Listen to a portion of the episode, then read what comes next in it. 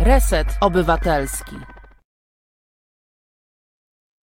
Witam Państwa. Nazywam się Konrad Szołajski i zapraszam na cotygodniowy program na WSPAK w ramach kanału Reset Obywatelski.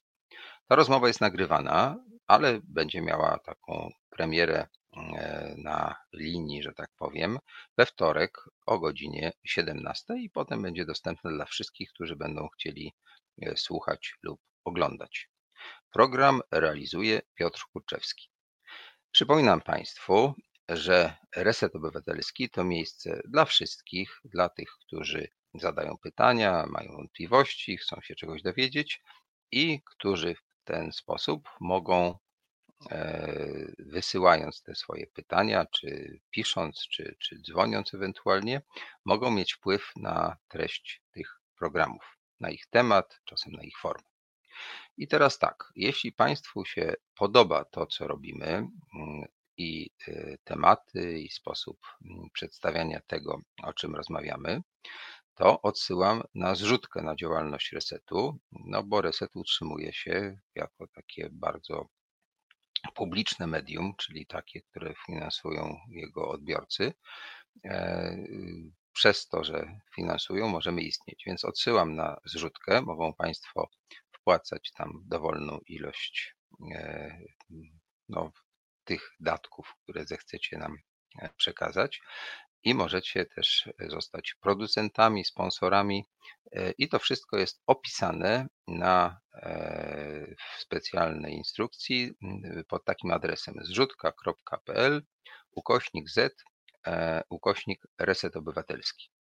No i potem można nas spotkać na Twitterze, na Facebooku i tam można lajkować, subskrypcje robić, e, można później słuchać podcastów. No i zachęcam oczywiście, żeby obserwować i te moje rozmowy, i wszystkich moich tutaj kolegów i wszystkich koleżanek e, i informować proszę innych, którzy jeszcze nie trafili na Reset Obywatelski o tym, że Reset istnieje i tu różne ciekawe, mam nadzieję, tematy i takie bardziej autorsko, że tak powiem, traktowane są dla Państwa przygotowywane. I dzisiaj jest e, szczególna okazja. E, będziemy mieli zaszczyt gościć osobę, którą znam wiele lat, a którą Państwo znacie z ekranów e, kinowych, z teatru.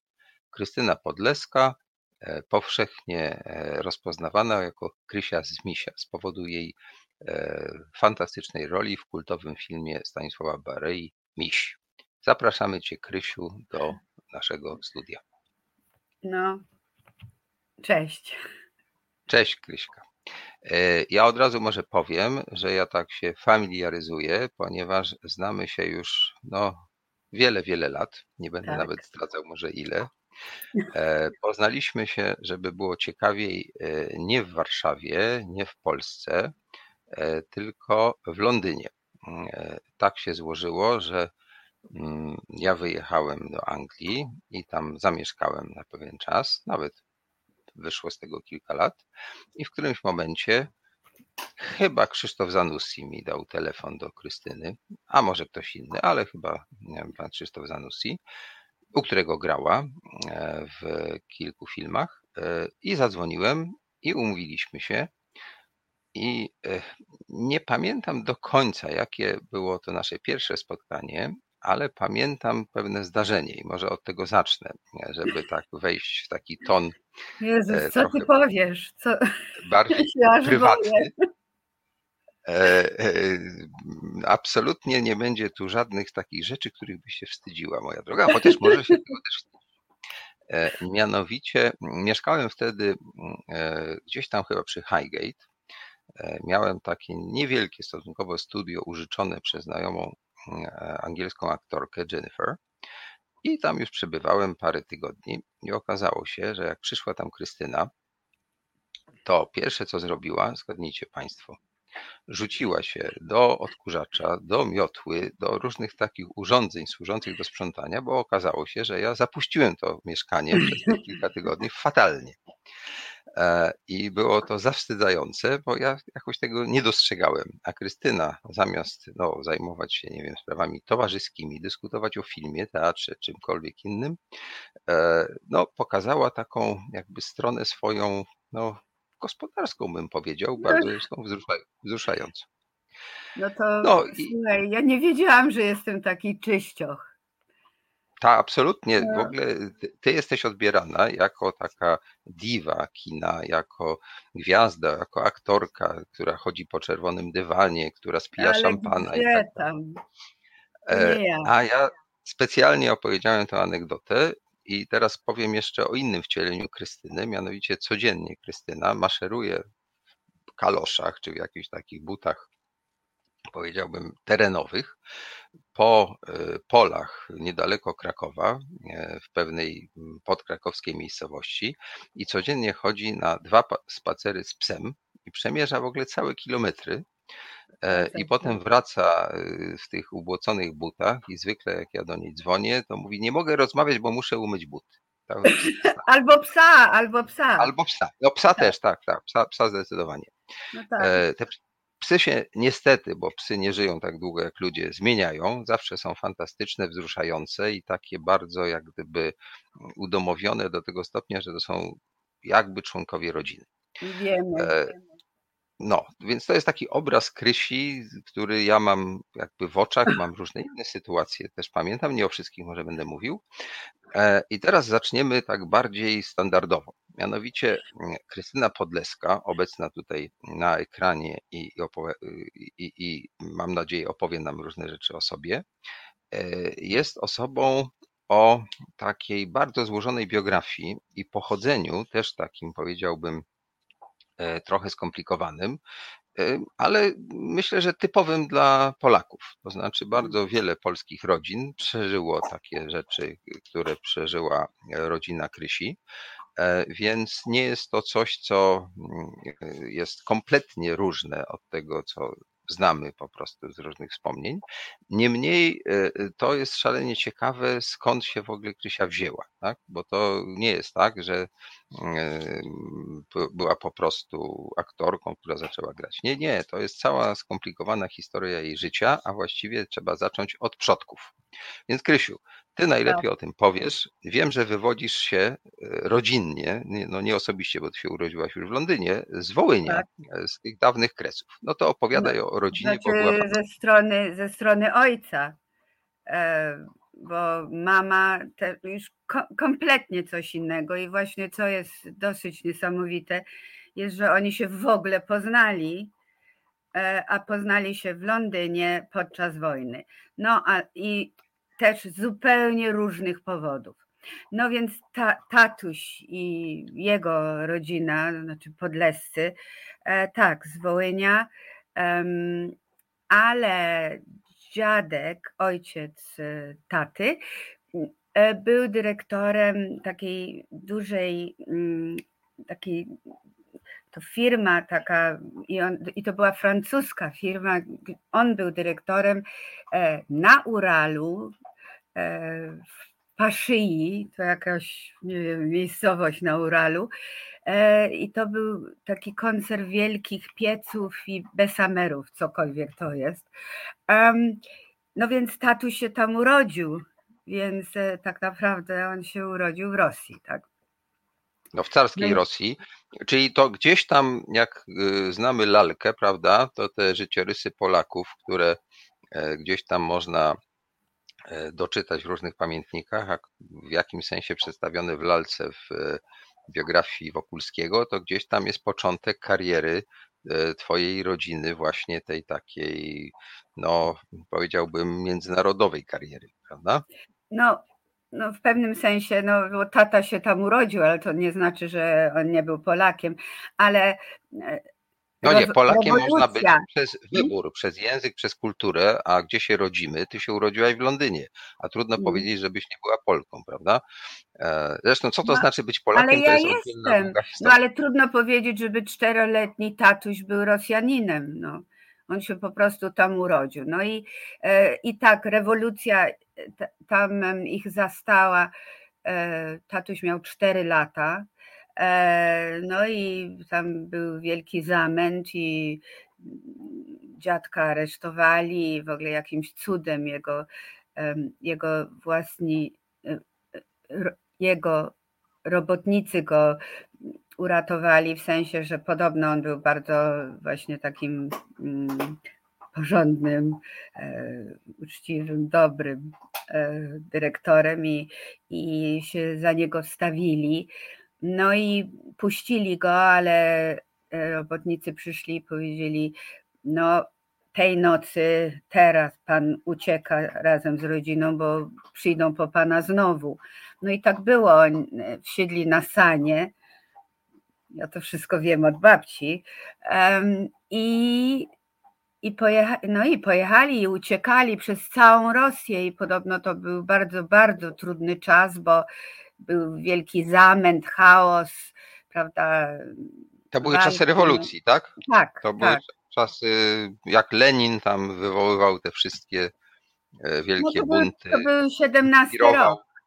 Tak, tak, inspirował to, że ludzie tam się zażynali tak naprawdę. No, to no, budowa tego właśnie. nowego społeczeństwa zaczęła się od wielkiej rzezi. No a no potem i... bywało jeszcze gorzej. No ale opowiadaj.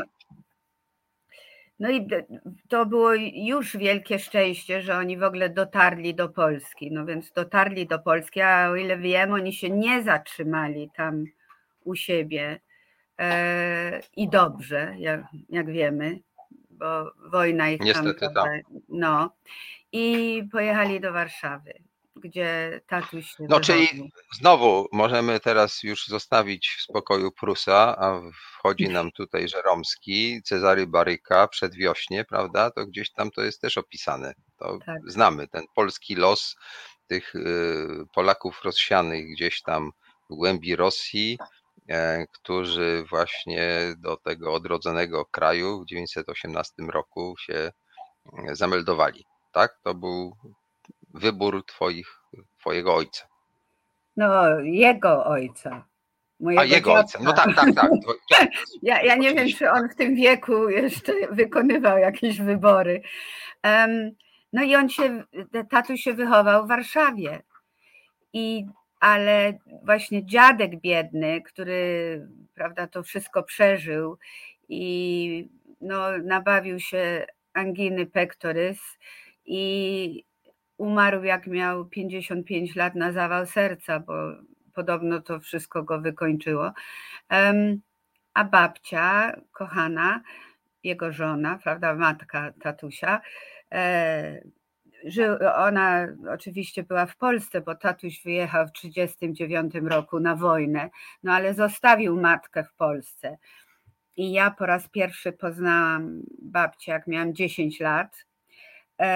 I po jakimś czasie dopiero babcia pierwszy raz przyjechała do nas do Londynu i ona co roku e, była u nas powiedzmy 6 miesięcy i potem co roku wracała, musiała absolutnie wracać do Polski, musiała umrzeć w Polsce i być pochowana na Powązkach obok właśnie Otusia, jej męża. I ona tak wracała żeby umrzeć w Polsce 20 lat. No, Bo zaskakująca w końcu umarła i tak w Anglii, jak miała 93.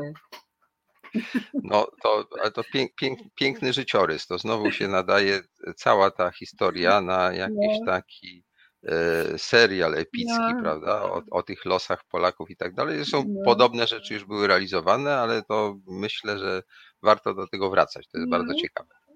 No dobrze, czyli e, to jest y, fragment zresztą. Mm, ja może powiem skąd moja wiedza. Moja wiedza na temat Twojej biografii pochodzi z dwóch źródeł. Jedno źródło to jesteś Ty, no ale ty, to jest takie wybiórcze źródło, bo ja znam takie różne anegdoty, nie, wszystkie, nie wszystkie będę tu przytaczał.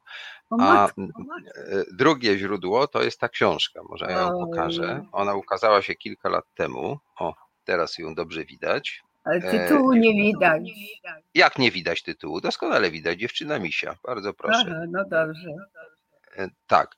I w tej książeczce, która to książka jest e, wywiadem rzeką po prostu.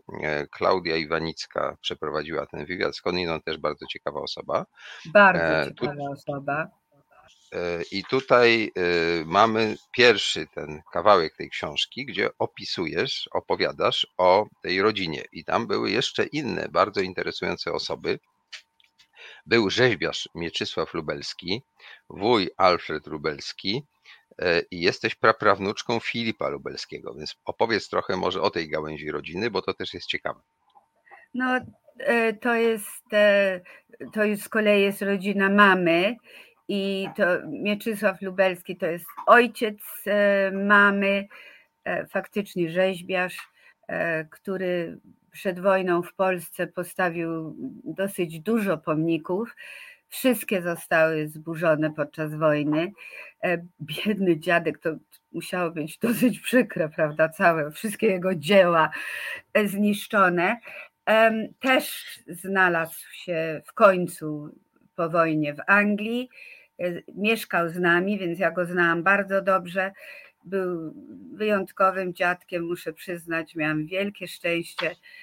E, I, no i on, on postawił właśnie też pomnik lotnika polskiego w Londynie. E, no i też jego pomnik Kościuszki na Placu Wolności w Łodzi był zburzony, tak, to faktycznie. I bo to jest pierwszy, e, to było w 29 roku, bo wydaje mi się, on był pierw postawiony, no ale potem, a to jest praca dyplomowa dziadka, którą kocham zresztą, Zuzanna i Starcy. No i, i dziadek e, w latach 70. łodzianie właśnie poprosili dziadka i miasto Łódź, żeby wrócił, żeby przyjechał powiedzmy i odbudował pomnik Kościuszki, co, co zrobił. I, I już był stary, ale zrobił to e, i ten pomnik stoi. Ja jestem z niego bardzo dumna i bardzo lubię tam chodzić. Lubię sobie przypominać dziadka, który był cudownym dziadkiem, tak jak już, już powiedziałam. I faktycznie rodzina Lubelskich, no jego brat był e, założycielem kabaretu Dymek z Papierosa, to był taki przedwojenny kabaret, chociaż z zawodu był lekarzem, co się dosyć często zdarza. Boj Żeleński tak, tak samo. No i um, no a Filip to był lekarzem i podobno był lekarzem Napoleona. No. No jak widać tak. tutaj, jeśli tak pogrzebiemy, no to w zasadzie możemy opowiedzieć historię Europy ostatnich 200 lat, prawda? Że ta no, rodzina no, rzeczywiście była bardzo tak. rozgałęziona i to szalenie ciekawe. I no no dobrze. ja powiem, e, to oni, to, to oni byli z pochodzenia że to była żydowska rodzina z, pochodzenia, no bo oni już później byli bardzo aklimatyzowani i dziadek był chrzczony, więc oni już nie byli praktykujący y, Żydzi, no ale niemniej ja mam dużo żydowskiej krwi, z czego się bardzo no tak. cieszę. No, ja myślę, że bardzo wielu Polaków znaczy ludzi, którzy wybierają polskość, prawda? Bo to przecież też jest pewien wybór. Tak, Nie zawsze tak. wszyscy, którzy mieszkają za granicą, chcą dalej być Polakami. Ty wybrałaś to, będąc jednocześnie Brytyjką, że jesteś Polką i nie tylko dlatego, że mówisz po polsku, nie tylko dlatego, że teraz mieszkasz w Polsce, ale myślę, że twoje takie więzi kulturowe E, są niesłychanie silne i ta twoja rodzina taka była. A poza tym prawda jest taka, że polska kultura to była budowana przez takich ludzi jak Mickiewicz, który według pewnych kategorii nie był Polakiem, prawda? Gdzieś tam był Aha, z tej dalekiej no Litwy, no właśnie, tak. a, a jego matka pochodziła z E, tych zasymilowanych Żydów, prawda? Na przykład. To, ta, taki, taki jest los, czy taka, taka była biografia Mickiewicza i podobnie na przykład było e, z Krzysztofem Kamilem Baczyńskim.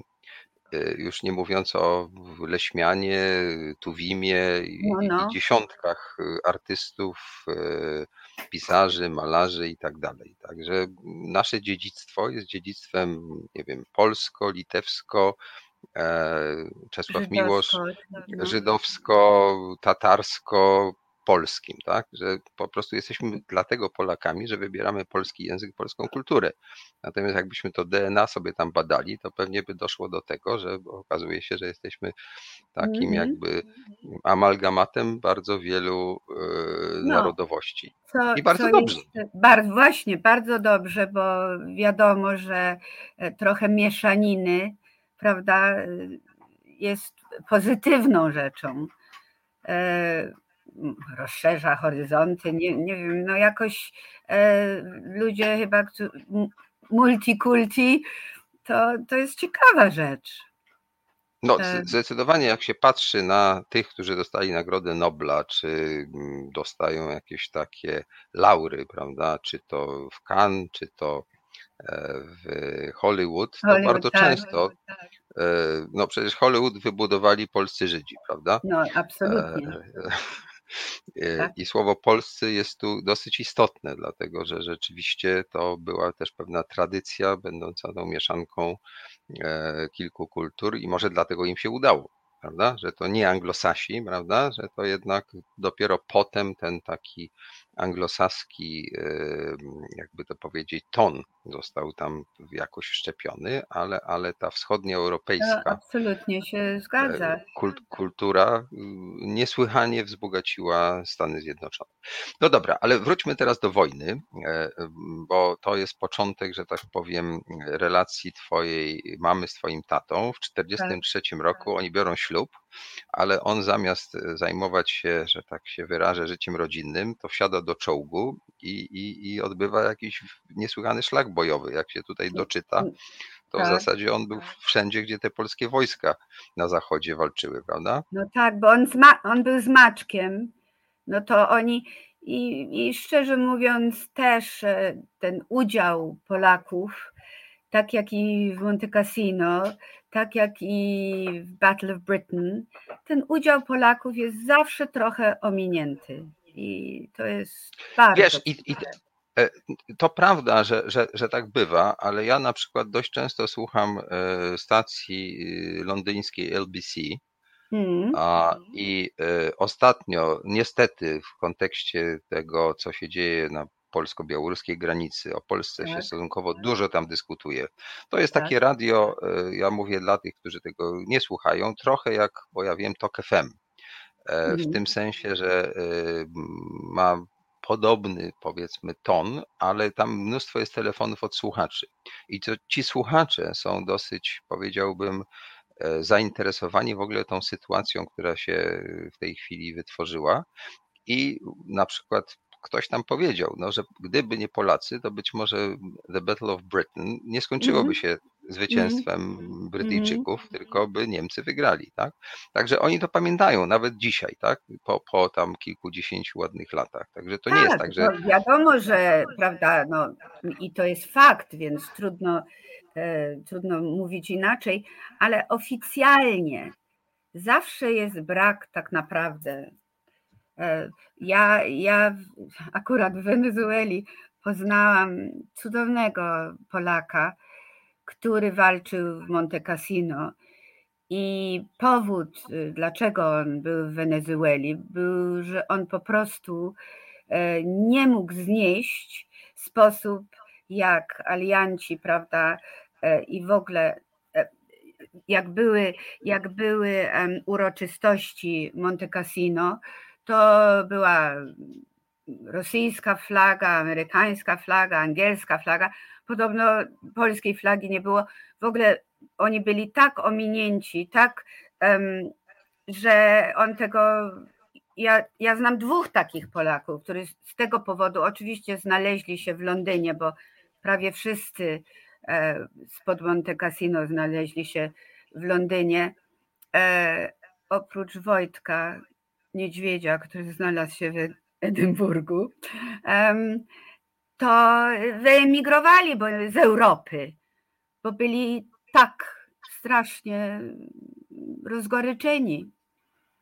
Tak, Y, Dla tych, którzy nie znają historii y, tych polskich formacji, to mm, chciałem tak szybko uzupełnić, że to Mhm, nie jest nazwisko, tylko to autentyczny, prawdziwy niedźwiedź był, tak, który jakoś tak był przywiązany i wytresowany że pomagał polskim żołnierzom pod Monte Cassino, podając tam jakieś skrzynki z amunicją i tak, Tak, dalej. Tak, To zgadza była się. taka ma, ma, maskotka tego ko- korpusu Andersa i potem trafił do ogrodu zoologicznego, zdaje się, w Edynburgu, prawda? Tak, Tam to na, go- na emeryturę. No, ale podobno właśnie tam bardzo zmarniał, bo on był tak bardzo przywiązany do swoich kolegów. To był niedźwiedź, który, który Polacy go bodajże w Iranie kupili jako niedźwiadka. y, Odkupili tam od Cyganów, czy i, i on im towarzyszył, prawda, przez całą drogę. I nauczył się, on umiał, on salutował, on e, pił piwo, palił papierosy, nazywał się Wojtek. I był problem, jak e, już byli w Aleksandrii e, i mieli płynąć do Włoch, to, to był angielski statek i podobno oni nie chcieli tego Wojtka zabrać. I to jest najbardziej wzruszająca, uważam, historia, może jaką słyszałam, że Anders zrobił z niego kaprala po to, żeby on był częścią tego wojska i żeby mógł z nimi pojechać. I tak było. Tak. Zdaje się, że Julek Machulski chciał zrobić e, filmową wersję tej Absolutnie historii powinno się. E, i powinno się, ale niestety raczej powstają takie, powiedziałbym, e, bardzo wzniosłe opowieści o tym polskim udziale w II wojnie i tak dalej, a takie postaci jak Niedźwiedź Wojtek gdzieś tam są pomijane, chociaż myślę, że dla normalnego widza to byłoby dużo ciekawsze. No ale to taka uwaga na marginesie. No ale z Dobrze, drugiej to- strony też trudno trochę zrobić casting na niedźwiedzi i, i znaleźć tego No, Wojtka. Dzisiaj kino posługuje się efektami specjalnymi w, ta, w tak fantastyczny Wiem. sposób, że jak można było zrobić Jurassic Park, a Mhm. dinozaurów generalnie nie, na razie przynajmniej nie ma, prawda? Chociaż podobno są próby, żeby je odtworzyć. No, a tam całkiem nieźle te dinozaury sobie poczynały, więc myślę, że takiego Wo- Wojtka Niedźwiedzia dałoby się spokojnie wygenerować. Dobrze, Krysiu, i teraz tak. Tak. y, Szczęśliwie twój ojciec, y, mimo że był Wrócił, tak. wszystkich miejscach i walczył i tak dalej, i wyzwalał Holandię bodajże No i, i dostał Virtuti Militari. i dostał Virtuti, Virtuti Militari, czyli z tego wynika, że tam całkiem nieźle sobie poczynał. No, E, Wraca do, do, do, do Londynu i w rok później pojawia się na świecie Krysia. nie, Tak? Czy nie, nie. Nie, w kilka lat E, później. nie. Kilka, przepraszam. E, Podczas, on już jak pojechał na wojnę, prawda, na wyzwolenie Europy, to już jak tam był, to urodziła się moja siostra. E, Więc Irena. oni, tak, więc też takie wzruszające. Ja mam te listy tak wzruszające między rodzicami i jak mama tam opisuje tą nową córeczkę, i, a tatuś jest na wojnie, to, to wszystko jest bardzo wzruszające. Nie, i potem trzy lata później Trzy lata, no to aż trzy Tak, lata ja się starali, pojawiam. ale się wystarali w końcu i się rodzi Krysia. Krysia. Podobno Krysia jak rodzi- tatuś mnie widział, ja byłam tak strasznie brzydka, że tatuś powiedział, e, ale Urszulko, już więcej dzieci nie będziemy mieli. No, ale się pomylił w tym Mhm. Nie, sensie, że no, potem ja byłam wyrosła- ostatni. Tak, tak, ale pomylił się co do twojej urody. No, okazuje się, że e, wiesz, to z poczwarki potem wy, wyfrunął motyl, więc tutaj Ojej, tatu, jak miło. tatuś nie, do końca miał rację, a w ogóle właściwie w tej sprawie nie miał racji. Dobra, słuchaj, to tak, doszliśmy już do tego, że się na świecie pojawiłaś, to może Tak. chwilę odpoczniemy, posłuchamy muzyki, ty zbierz siły na opowieść o swojej edukacji, która też była dosyć, powiedziałbym, Dziwno. taka oryginalna, Dobrze. dziwna, tak, dobra? E, czy ja mogę prosić o e, muzykę? To jest Reset Obywatelski. Tworzymy go razem. Dołącz do nas na YouTube, Facebooku i Twitterze. Witam wszystkich tych, którzy dopiero teraz się włączyli. E, Mamy zaszczyt gościć dzisiaj Krystynę Podleską i opowiada nam o swoim życiu. Pewnie też będzie o rolach i, i teatrze, i filmie i tak dalej. E, Ja przypominam, że nazywam się Konrad Szołajski, a to jest program Na Wspak, a realizuje go dzisiaj Piotr Kurczewski i to jest nagranie. Dobrze, Krysiu, e, rodzisz się w Londynie i Tak. jesteś polskim dzieckiem, które Tak. przechodzi edukację w Wielkiej Brytanii. No to opowiedz, jak to było, bo wiem, że e, na tym styku były różne ciekawe, powiedziałbym, przygody, ponieważ rodzina była polska i dopiero jakby wchodziła w ten brytyjski mm, e, świat. E, I to nie chodzi tylko o sprawy materialne, bo zdaje się, ojciec był mm, przedsiębiorczy i dał sobie radę, e, tylko chodzi na przykład o to, że polskie dzieci były ubierane dużo cieplej, bo było takie przyzwyczajenie z kraju, że jest zimniej. Ja tutaj może dodam, że jak ja pojechałem do Anglii, to zresztą nie tylko jest w Anglii, bo w kilku innych krajach e, na zachodzie też tak jest, że mm, szczególnie chłopcy chodzą w takich krótkich spodniach nawet w zimie, prawda? Że w ogóle nie ma zimy. Że to jest jakby e, się, się jakby nie zgadzamy na to, że jest zima. I w Anglii Absolutnie. e, dzieci się dużo mniej tak jak gdyby e, mniej się o nie dba w sensie Tak. mniej się z nimi pieści, one idą do szkoły z internatem i tak dalej i chodzą w, w skarpetkach i krótkich spodniach, nawet jak jest tak koło zera. No to opowiadaj teraz ty. Em, No tak, to jest prawda i też powiem, że angielskie domy, ponieważ prawda są stare, wiktoriańskie, edwardiańskie e, czasów Jerzego, Georgian, tak, one są potwornie nieszczelne, okna są nieszczelne i teraz już się bardzo poprawiło, ale jak ja byłam dzieckiem, to te domy były tak zimne, że o Jezus.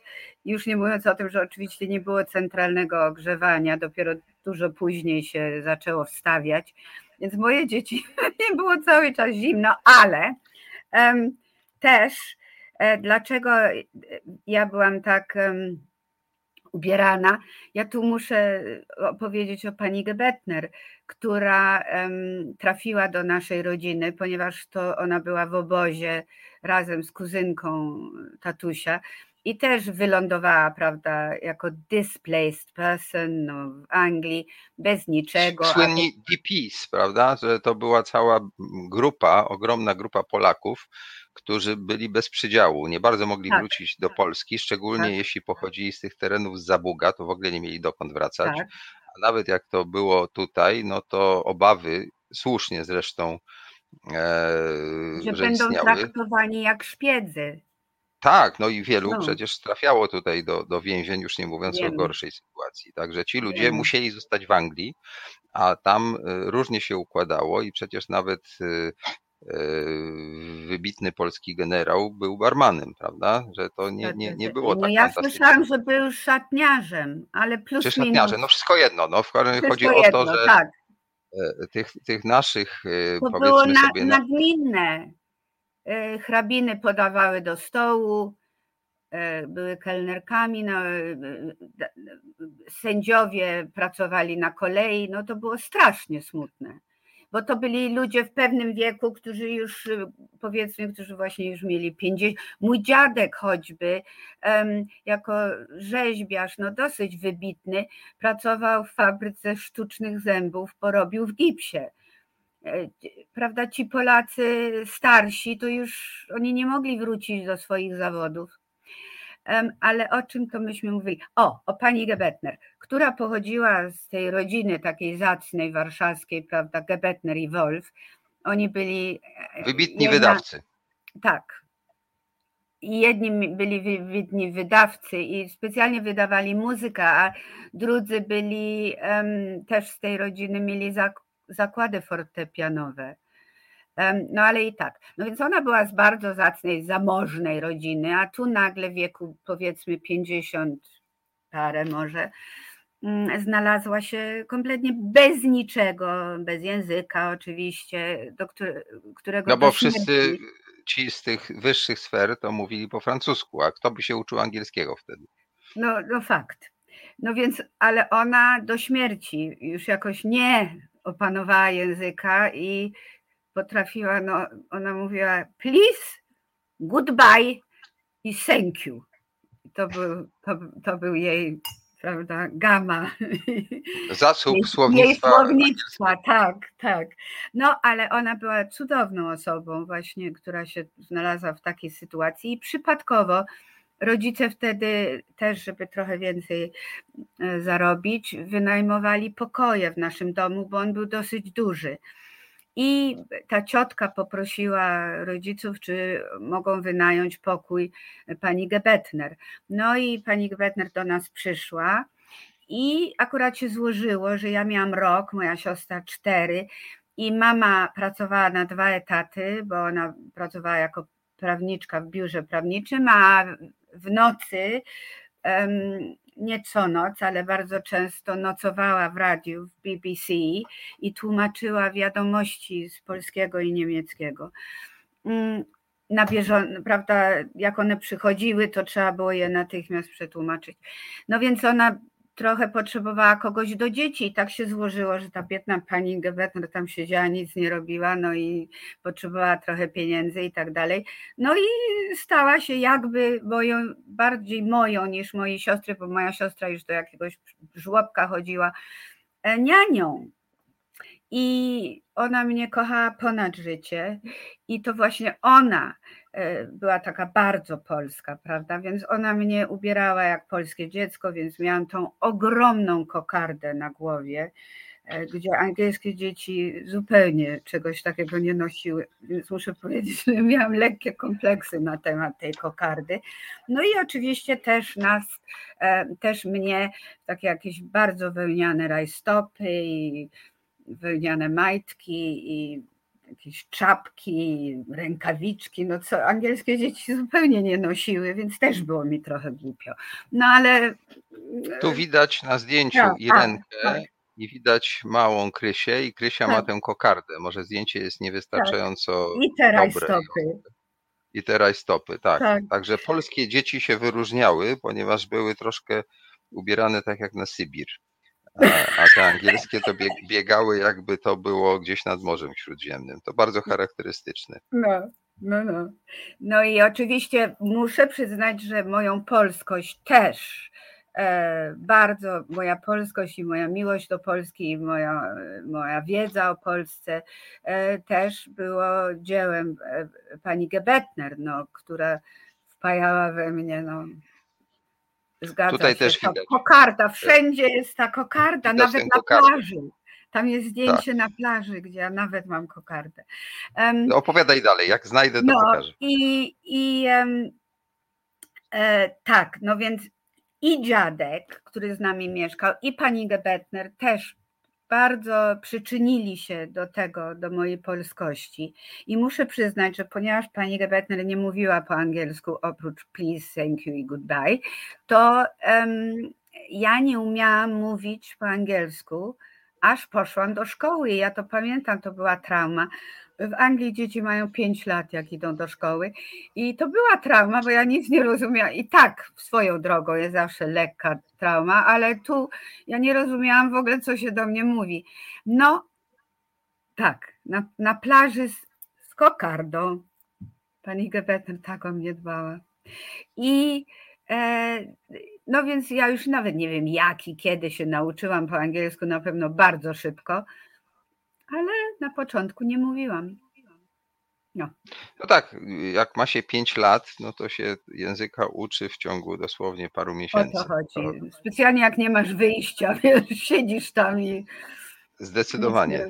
Zresztą potem angielski stał się jakby twoim pierwszym językiem, prawda? Przez wiadomo, wiele lat. Wiadomo. Chociaż y, ja nie miałam takiego domu bardzo y, takiego ostrego w sensie polskości, ale były dzieci, którym zabraniano mówić po angielsku w domu i no i myśmy też chodziły, co jest no przecież fenomenem, chodziłyśmy do polskiego harcerstwa w Londynie. Prawda? Oczywiście na zasadach przedwojennych. I też w harcerstwie, no myśmy zawsze między sobą zuszki mówiły po angielsku, bo było nam jednak łatwiej. No i bardzo to było bardzo źle widziane. No tak, ale też byłaś w takiej jakiejś szkole, gdzie zakonnice cię uczyły. I pamiętam, że Rula Lęska, twoja przyjaciółka, Tak. e, narzekała, że Polki, czy takie właśnie mm, dzieci, dzi- czy dziewczynki z tych takich polsko-brytyjskich domów, to mają w ogóle fatalnie, bo nie dość, że muszą chodzić do tej angielskiej szkoły, to weekendy muszą speł- spędzać właśnie na tych y, polskich zajęciach i jeszcze te zakonnice ich bez przerwy uczą religii. Jak to było? Nie no, ona powiedziała swojej matce, no bo faktycznie w sobotę była, przecież my byli- byliśmy cały tydzień w szkole, a w sobotę e, była polska szkoła, no więc wszystkie polskie dzieci chodziły do polskiej szkoły, e, a po południu były zajęcia właśnie zbiórki, prawda? Potem była e, polska msza oczywiście w niedzielę, no i, i Rula po prostu powiedziała: Mama, to jest takie nie fair, że ja się urodziłam Polką e, w Anglii, bo, bo, bo ja mam cały weekend zrujnowany. No właśnie. No a te zakonnice jakoś odcisnęły się na twoim wychowaniu? A, no bardzo. Tak, tylko, że to były angielskie zakonnice, A, bo to ja były chodziłam angielskie. do. Tak, tak, ja chodziłam do szkoły normalnej angielskiej, akurat to była katolicka szkoła prowadzona przez zakonnicę. No tak, też, czyli ode, odebrałaś takie dosyć, powiedziałbym, złożone. e, Znaczy to twoje wychowanie miało różne aspekty i No. religijny, i narodowy, i, a jednocześnie byłaś po prostu e, bo ja przecież- artystką, bo potem trafiłaś do tej szkoły um, Baletowej. No, baletowej, tak. To opowiedz o tym właśnie, ta twoja No. edukacja artystyczna.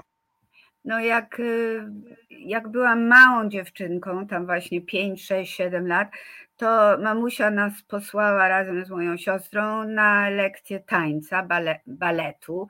E, Prowadziła to taka Niemka, e, Mrs. Weber. Ona była bardzo ostra. I chodziło się w soboty. Właśnie dlatego ja nie chodziłam notabene do polskiej szkoły i się bardzo cieszyłam z tego powodu, bo miałam balet. I okazało się, że ja ładnie tańczyłam, że miałam jakieś zdolności. No i ona powiedziała, że powinnam zdawać do królewskiego baletu. Pierw jako tak zwany junior associate, to po prostu chodziło się w sobotę i w środę po południu e, na lekcje.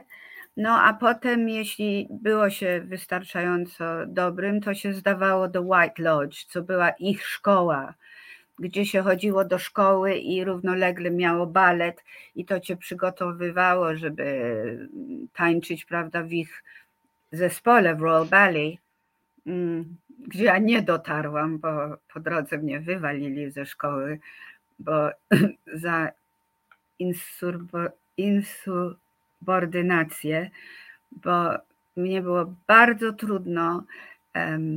Ja bardzo lubiłam tańczyć, ale mnie było bardzo trudno się dostosować do tego niesamowitego rygoru. To nie było dla mnie. No, No i trafiłaś do szkoły aktorskiej, prawda? no to dopiero po, potem właśnie wróciłam, bo ja od zakonnic poszłam do szkoły baletowej, e, gdzie one były bardzo zgorszone i powiedziały, że będę fikać nogami i, widać moje majtki. I w ogóle były bardzo niezadowolone, ale no, poszłam do tej szkoły, a potem jak mnie stamtąd wywalili, to spuszczoną głową wróciłam do zakonnic.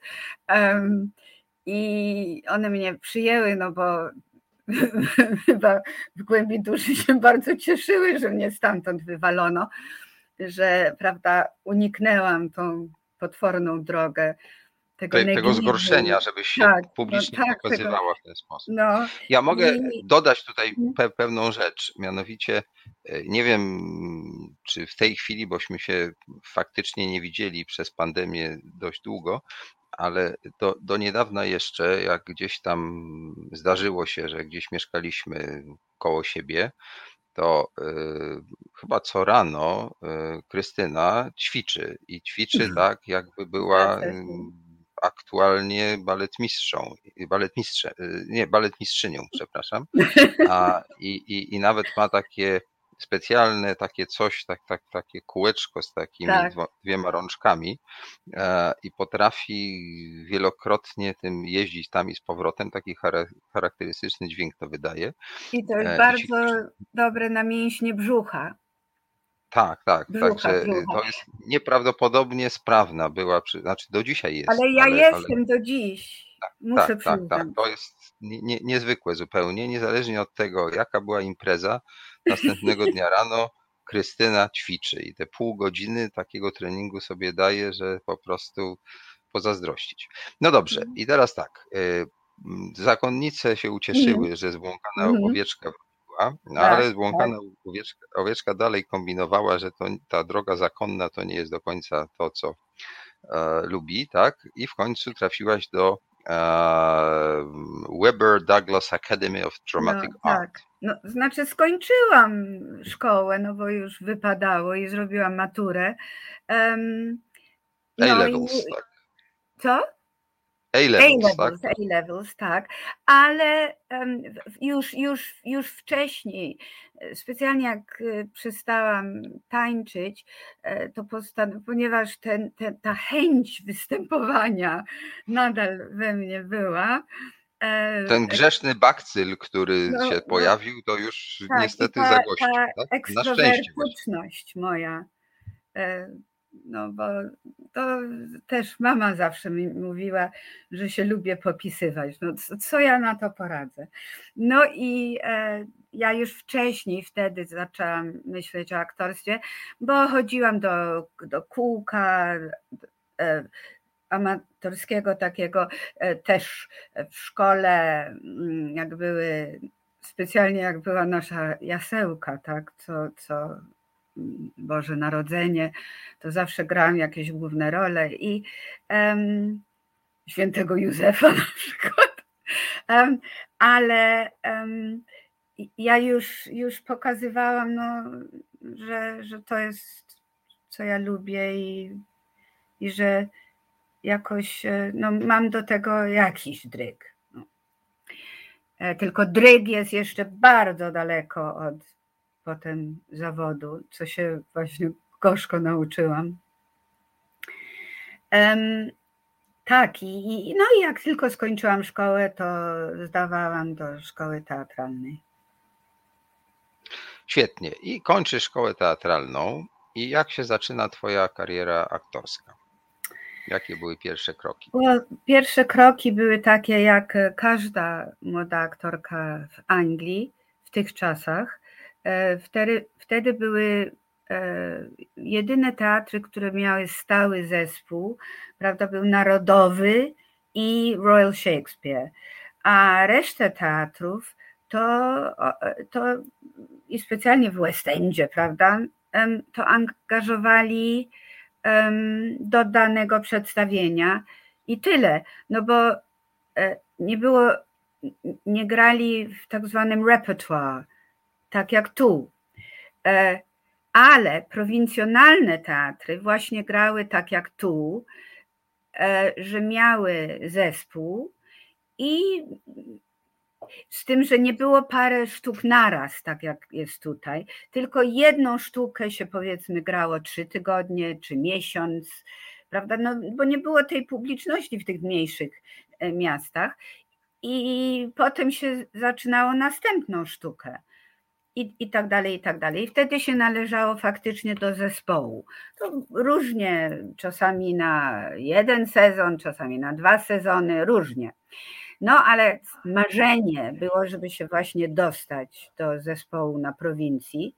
Już nie mówiąc o tym, że było błędne koło, bo nie można było się dostać do zaspu, jeśli się nie grało, a nie mogło się grać, jeżeli nie było się w zaspie.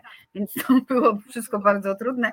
No ale jak się dostawało na, znaczy zasp angielski, equity, ale jak się dostawało do, takiej, do takiego zespołu, do takiego company, no to się dostawało ten, ten equity card i, i, no, i to było bardzo ważne. No więc myśmy nic, tylko wszystkie, wszyscy młodzi aktorzy, którzy kończyli, którzy dostawali dyplom, bo myśmy my nie, dos, nie dostawaliśmy magistra, tylko dyplom aktorski.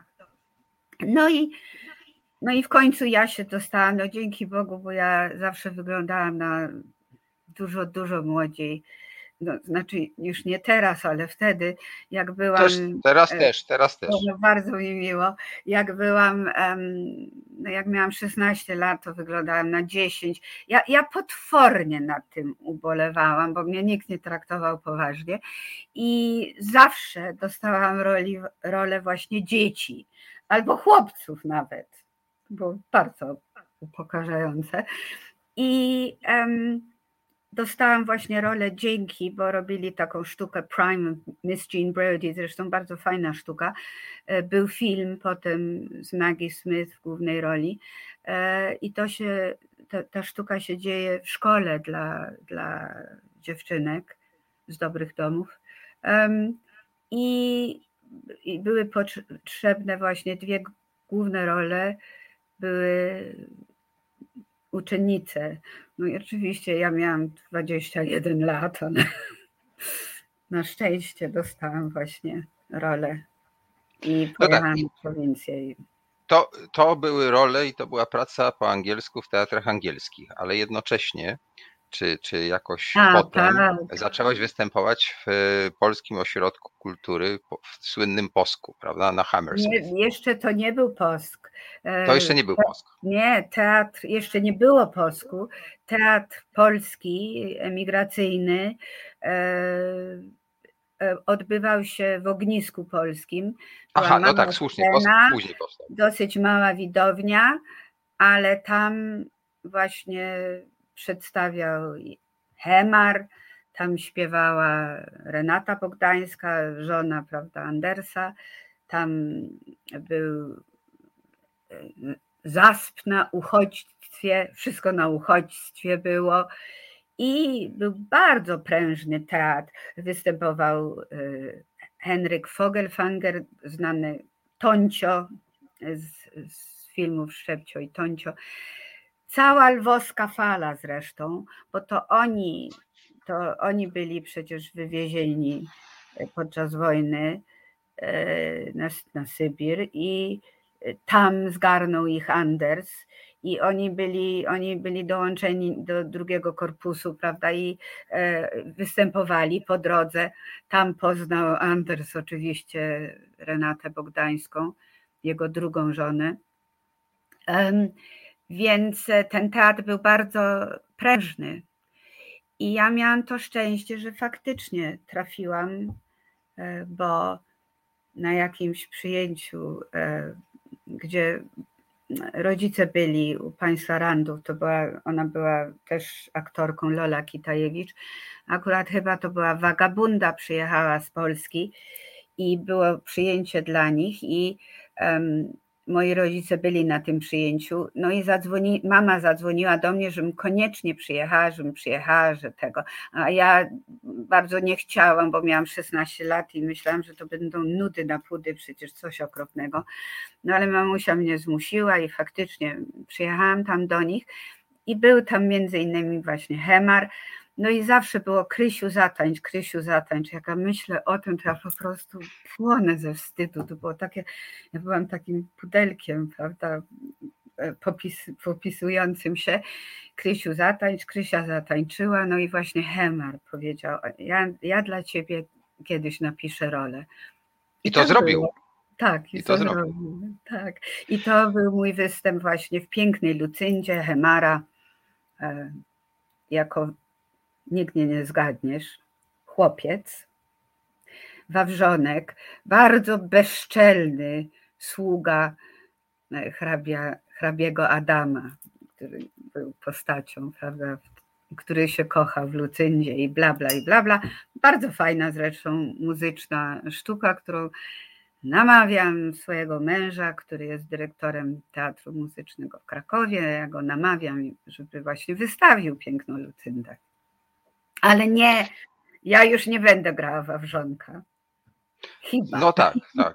Rozumiem, że ten styl, że kobieta gra chłopca, to już nie do końca ci odpowiada. No. Ja proponuję, żebyśmy teraz chwilę odetchnęli, a ty się przygotuj do opowieści o twojej polskiej karierze już nad Wisłą, bo zaczęłaś przecież Nie. jeździć także do Polski.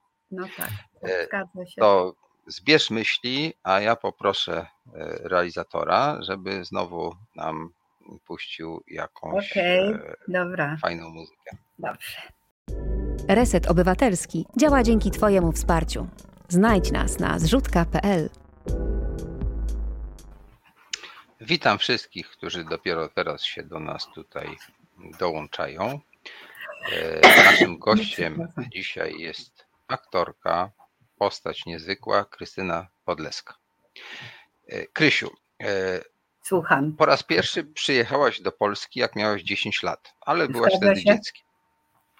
E, Rozumiem, że to były takie jakby wakacyjne wyprawy, ale przejdźmy od razu do sedna, to znaczy kiedy zaczęłaś jeździć do Polski już jako osoba dorosła, aktorka, która no, zaczęła robić, powiedziałbym, błyskawiczną i taką spektakularną karierę w polskim filmie.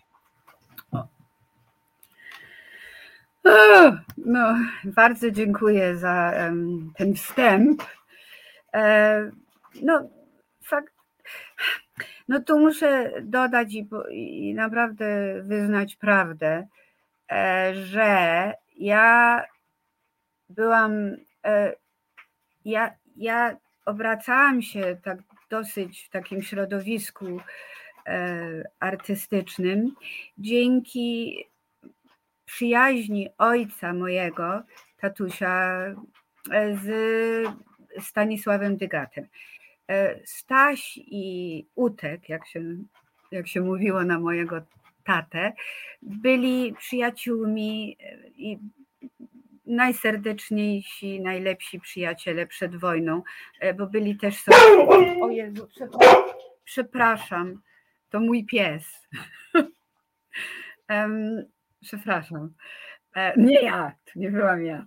E, Więc oni byli też są, sąsiadami przed wojną i wielcy przyjaciele, którzy, prawda, te 6 lat podczas wojny się nie widzieli, potem się znowu 19 lat nie widzieli. Właśnie dopiero jak pojechaliśmy do Polski po raz pierwszy, miałam 10 lat, właśnie poznałam Stasia i Kalinę.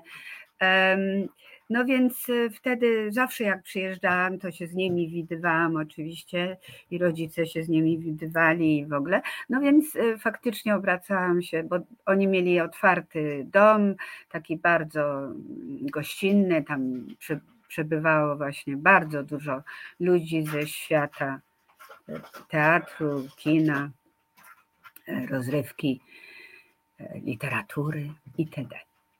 E, No, no więc akurat się złożyło, że Stanisław Lenartowicz robił film i szukał właśnie takiej dwujęzycznej dziewczyny, bo ona niby ona bierze udział w konkursie Wieniawskiego, e, bo gra na skrzypcach, czego oczywiście ja nie umiałam zupełnie. I ona też szuka swoich korzeni, ona szuka swojego ojca, bo jej ojciec y, był Polakiem. No i potrzebowali takiego kogoś. No i wydaje mi się, że może Staś mnie zaproponował, znaczy Staś Tygat, a Staś Lenartowicz zaprosił mnie na próbne zdjęcia. No i, i tak się stało, że ja to zagrałam. No jak ja to zagrałam, to potem akurat się złożyło, że e, Zanussi szukał podobnej dziewczyny do barw ochronnych. I nawet ja oczywiście ja się bardzo znałam w ogóle na kinie, bo bardzo kochałam kino, kino międzynarodowe i w ogóle chodziłam na bardzo dużo filmów. No i oczywiście wiedziałam dużo o polskim kinie. E, I tak jak przyjechałam robić ten film, no to sobie pomyślałam, no może mnie Wajda zauważy, albo Zanussi, albo nie wiem, no. I tak, no a nic z tego. No i potem były posynchrony we Wrocławiu. Już tak był ostatni dzień. Ja jednak mnie nie zauważyli. i taka już byłam trochę smutna, przygnębiona. No i weszłam do produkcji, żeby się tam pożegnać. No i oni powiedzieli, a ja propos, dzwonił i to chyba Tor był, zespół Tor. Zanussiego i on by chciał się z panią spotkać w Warszawie. I ja powiedziałam, tak, i Hollywood też dzwonił, bo myślałam, że sobie jaja robią, ale okazało się, że faktycznie. No i właśnie poszłam na, pojechałam na to spotkanie w Warszawie i okazało się, że tak, że on faktycznie myślał o mnie do barw ochronnych. No i tak, tak się stało. E, ci, którzy nie widzieli barw ochronnych, e, niech żałują, bo to jest jeden chyba z najważniejszych film. filmów polskich w mm. ogóle. A mm. wtedy obok Człowieka z marmuru e, to był, a potem może Kobiety samotnej Agnieszki Koland i Wodzireja Feliksa Falka. To był jeden z tych chyba czterech najważniejszych filmów tamtego czasu. E, pokazujący w dodatku nie jakieś historyczne sprawy. To nie był taki film typu Noce i Dnie czy Potop, tylko taki chwytający, że tak powiem, rzeczywistość za gardło. Mm, mm, mm. E, Krzysztof Zanussi był wtedy, myślę, w szczytowej formie. On tak, to tak. napisał. On to wyreżyserował i to był film zjawiskowy. E, może nie od strony takiej jakby wizualnej, bo to bardzo prosty film jest. Mm. E, sfilmowany zresztą fantastycznie, ale jakby tak użytkowo, prawda? Zgadza się. E, zdjęcia zostały zrobione z ręki i one były takie bardzo jakby no, żywe. Tak? tak się czuło, że to jest taki właśnie prawie że reportaż z rzeczywistości. E, historia, która tam jest opowiedziana, była historią takiej korupcji moralnej, tak można chyba powiedzieć. E, no I ja od lat, za każdym razem, jak mojego profesora ze szkoły filmowej, Krzysztofa Zanussiego spotykam, mm, to y, tak czasem nawet szepnę, a czasem tak tylko sobie myślę, że w zasadzie mm, chciałbym, żeby kiedyś jeszcze zrobił barwy ochronne dwa, e, bo dzisiejszy czas, o tym jeszcze sobie może jeszcze później porozmawiamy, e, no jest jakby podobny trochę i nawet powiedziałbym, pewne mechanizmy są bliźniacze. E, ale to, co się udało Zanussiemu w tym filmie, to jest uchwycenie konkretnej sprawy, konkretnej historii, konkretnej anegdoty o takim dużo szerszym, ponadczasowym znaczeniu. No, czyli to jest dobry film. E, I jedną z postaci, które tam są niesłychanie istotne i tak naprawdę mm, dla mm, tej akcji w zasadzie mm, ta postać jest niezbędna. To jest ta dziewczyna z innego świata. To jest ta e, Polko Angielka, czy to była Angielka, czy to jak, no zachodu. Angielka chyba. Angielka, tak, tak. tak. Ale chodziło to znaczy, o to, że to... Y, korzenie polskie, no bo ona. No tak, tak, tak. No bo ona mówiła. Y, dukała troszkę, po polsku, tak. Tro, troszkę kalecząc polszczyznę, miała taki akcent, to rozumiem, że e, mogłaś tu zastosować jakby taki trik, a może wtedy tak jeszcze mówiłaś nie, po polsku. No, nie, ja nie tak źle nie mówiłam. Ja, Aha, ja czyli starałaś się troszeczkę. Przecież, okay. no. W każdym razie chodzi o to, że ta postać była niesłychanie ważna, ponieważ ona umożliwiła takie zderzenie, e, które dzisiaj zresztą jest niesłychanie aktualne, kultury Zachodu z kulturą Wschodu, prawda?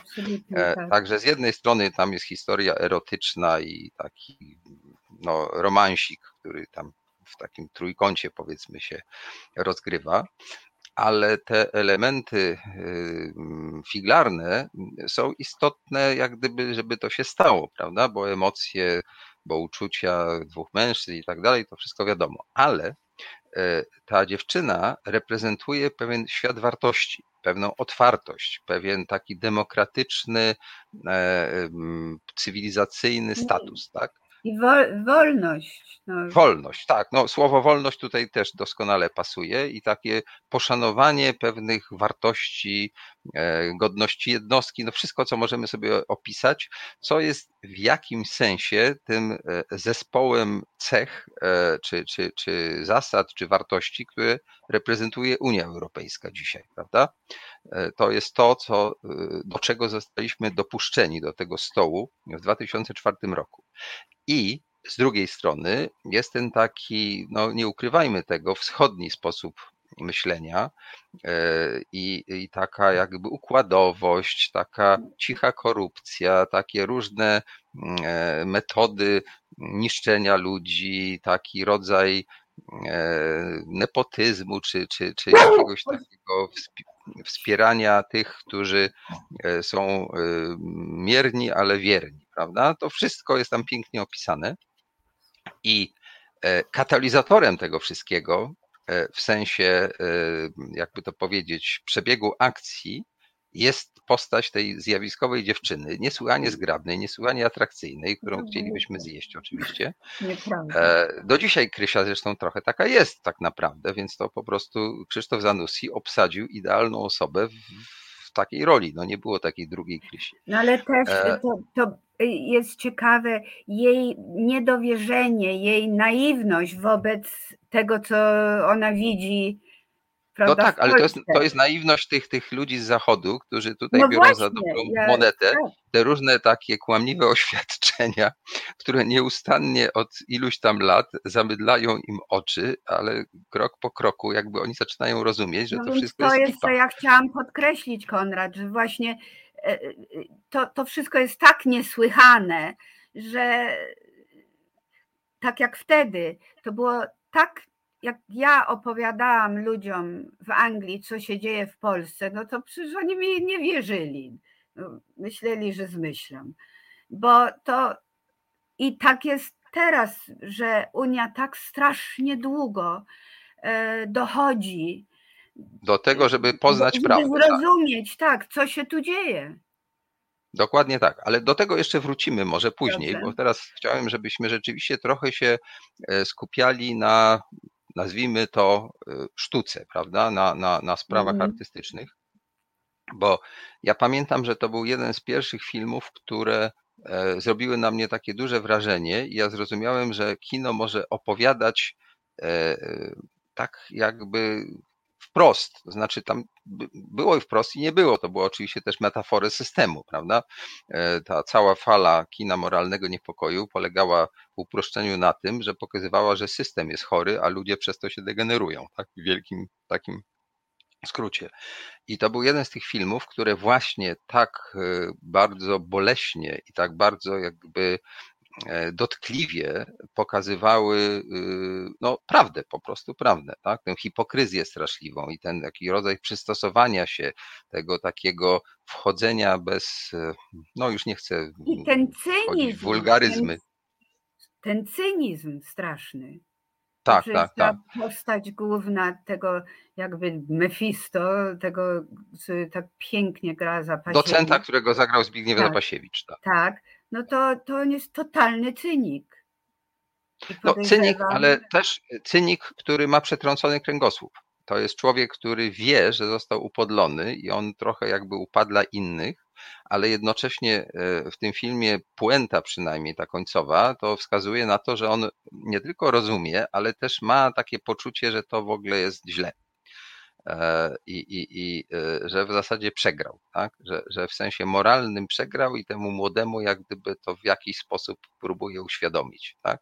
Także no to nie tak. jest taki cynik, cynik, który tylko, że tak powiem, wyciąga korzyści. Nie, on tam na końcu jak gdyby w tej, tej mm, walce właściwie takiej fizycznej dochodzi do tego, że w jakiś sposób pokazuje temu młodemu, no, że on sam też jest przegrany. Także ten film naprawdę ma bardzo wiele warstw i, i, i mm. to jest jeden z moich ulubionych filmów.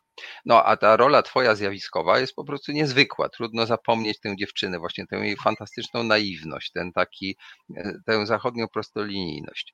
E, ja tutaj mogę powiedzieć, że ja w tamtym czasie właśnie byłem najpierw, e, kończyłem liceum, potem byłem na studiach pierwszych i zacząłem jeździć na zachód i, i zyskałem tam jakby przyjaciół i zrozumiałem, że można inaczej żyć tak? Że, że, I to nie polega na tym, dość szybko się przekonałem, że to nie chodzi tylko o to, że można mieć lepszy samochód, willę z basenem i tak dalej, ale że oni, no mając komfortową sytuację, to też mogli tę swoją taką etyczną postawę jakoś tam praktykować, bo y, nie, nie musieli nieustannie uciekać i, i, i od nowa układać sobie życia ale że ci ludzie potrafili jakby okazać serce i tak dalej. I dla mojego pokolenia i, i, dla mojego wychowania e, przyjaźń z taką belgijską rodziną, która mnie tam, że tak powiem, przytulała na wakacje i tam sobie jeździłem, żeby e, pracować, zwyczajnie zarabiać parę groszy, ale też się jakby uczyć zachodu. To było niesłychanie ważne.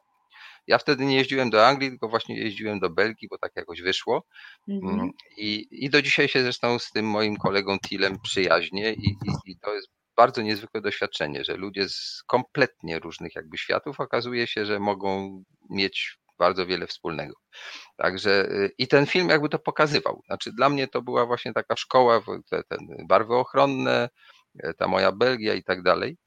E, I później e, przekonałem się, że takie więzi zadzierzgnięte z takimi ludźmi, jakby zrozumienie daje owoce no, do przodu na, na wiele, wiele lat ale właśnie ten film był takim otwierającym oczy i dlatego może tamtejsze władze, chociaż były na tyle liberalne, że pozwalały takie rzeczy robić, e, z drugiej strony bardzo ograniczały dystrybucję i tam na różne sposoby, że tak powiem, e, tworzyły sytuację, mm, powiedziałbym, taką trochę niekomfortową tak? dla, dla tych, którzy tak postępowali, a z drugiej strony nie mogli zaprzeczyć, że e, Zanussi, Holland, Falk, Kieślowski, Wajda, to jest po prostu la creme de la creme i, i Polska by nie istniała na arenie międzynarodowej, jakby ich nie było i tych paru sportowców, prawda? Że to był ten towarek sportowy, poza tym co mieliśmy? Węgiel, tak? I koniec, więc więcej z tej Polski się e, nie dawało, że tak powiem, e, wyciągnąć i, i dlatego to pewnie to tolerowali, ale rzeczywiście tolerowali i pozwalali robić takie rzeczy, co też należy, że tak powiem, podkreślić, bo zobaczmy, co jest dzisiaj, prawda? Ale do tego jeszcze może wrócimy. No fantastycznie, więc ta twoja rola i ten film to było coś niesłychanie ważnego, ale, ale potem e, pamiętam też e, i ta twoja umiejętność, e, jakby to powiedzieć, tańca, e, chyba w kontrakcie pokazujesz, no, no, tak, ta, tak, jaką tak. jesteś fantastycznie wysportowaną dziewczyną. I Zanusi cię tam obsadził trochę w podobnej roli, zdaje się, prawda? No, Też jesteś. Tak, tak, też. No ale, ale co było ciekawe dla mnie, naprawdę dosyć niesamowite, jest, że jak ja byłam młoda, to zawsze to często, znaczy mówiono mnie, że jestem podobna do Leslie Caron, bo um, Leslie Caron, ja ją widziałam w takim jej pierwszym filmie, Boże, zakochałam się kompletnie, um, Lily, to się nazywało Lily, i, I zanim ona pojechała do Hollywood i podejrzewam, że ją tam trochę poprawili, to ja faktycznie byłam do niej, znaczy byłam do niej podobna. I nagle tutaj um, Zanussi dzwoni do mnie i właśnie mówi, że e, będzie główną żeńską rolę grała Leslie Caro i, i ja, czy ja bym zagrała jej córkę. No więc to, to było przedziwne, było, wiesz, Fajne. Tak, tak, to bardzo fajna była ta sytuacja właśnie, y, ty jako jej córka, ona prawdziwa Leslie Caron, prawda? Tak, po raz pierwszy tutaj nad Wisłą to była wtedy gwiazda i to taka wybitna aktorka. E, ale ty doskonale jak gdyby w tej roli byłaś wiarygodna, prawda? To było, ty, ty byłaś rzeczywiście bardzo niezwykłym człowiekiem, w tym sensie, że byłaś autentycznie jak gdyby jedną nogą w Anglii, jedną nogą w Polsce. Także mogłaś to jakby e, grać z taką siłą naturszczyka, prawda? Bo w tym filmie główną rolę, powiedzmy męską, tam właściwie nie ma jednej, tam jest i Krzysztof nie, Kolberger, i tak. Tadeusz tak. Łomnicki, i tak. cała plejada polskich artystów. Tak. E, I Maja Komorowska fantastycznie tak. też tam zagrała, Oczywiście. prawda? Tak. E, I, i nie, nie, wymienię wszystkich, bo, bo, bo to cała długa lista. Ale... Nina Andrycz. Nina Andrycz, ta, tam jest ta tak. cudowna scena. Y, Zanussi potrafił wtedy rzeczywiście pisać tak, że, że, że to jakby uderzało. Mianowicie E, e, jest tak, że e, ta buntująca się dziewczyna jest bardzo prawdziwa i ona jak gdyby ma swoje zdanie, natomiast Nina Andrycz, zdaje się, do niej mówi, że jej się nie podoba to przedstawienie, a jej się zupełnie co innego nie podobało. Tam było odwrotnie. I Zanussi pokazał, jak, jak, jak widać, jak nieporozumienia prowadzą do hipokryzji i tak dalej. I te wszystkie takie postawy moralnie, powiedziałbym, e, podejrzane, czy takie różne kompromisy, czy to przenikanie, e, powiedziałbym, tego y, układu, tak? że, że, że w zasadzie ci najbardziej buntujący się, e, to jednocześnie bardzo często są skłonni, jak im się da szansę, e, e, pójść na taki kompromis, że właściwie to jest jakby kolaboracja, prawda? Też tam są takie wątki w tym filmie. Także to, to jest mm, fajny film. Myślę, że, że niesłusznie jak gdyby też trochę zapomniany, bo ten kontrakt mm. na dzisiaj to jest po prostu lustro mm. naszego czasu, prawda? E, tak, tak, tak, tak, że to, to było, było bardzo, bardzo też ważne. E, ja miałem szczęście, co prawda moi ciut starsi koledzy w ogóle tam więcej na planie byli, ale wtedy Krzysztof Zanussi był naszym mm, profesorem w szkole i myśmy jeździli na plan do tego filmu, żeby jakby oni częściej, myśmy byli na pierwszym roku, to tak dopiero zaczynaliśmy, ale a, e, widzieliśmy jak to się kręci, jak to się robi. Sławomir jak robił zdjęcia. E, e, I, i, I to było też takie dosyć ważne dla mnie przeżycie, żeby zobaczyć, jak się taką rzecz robi, prawda? I, i, i z tymi aktorami, i, i, i, i, sposób jakby realizacji, jak Zanussi to reżyserował, to było szalenie ciekawe. No, a film wyszedł moim zdaniem całkiem ważny, całkiem dobry i, i, i dzisiaj warto by go pewnie przypominać. No i ty znowu się tam pojawiłeś, ale jakby Boch Trojcu lubit, tak się mówi, prawda? E, I e, twoją, zagrałaś różne inne role. Ja nie chcę tutaj pomniejszać, ale mm. taką trzecią rolą, która nie, właściwie wiadomo. powodowała, że powinnaś mieć właściwie, myślę, że pomnik w Łodzi, w Warszawie i w Krakowie przynajmniej. E, to jest rola w misiu, prawda? Powinien być miś, powinien tam być ta postać, którą gra tym i ta postać, którą grałaś ty. To jest ta jak gdyby e, konstrukcja tego, tego filmu. Mhm. Dziewczyna, która chce robić karierę, jest tak naiwna i głupia, że aż słodka przez to. I, i Miś jest chyba najbardziej kultowym polskim filmem przynajmniej w zakresie komedii z, tam, z tamtego komedii. czasu, oddającym bardzo dobrze klimat, e, w którym żyliśmy. E, potem Bareja jeszcze zrobił ten fantastyczny e, serial Alternatywy, 4. Tak. Tak, tak, który jest absolutnie genialny, ale ten film był też zjawiskiem.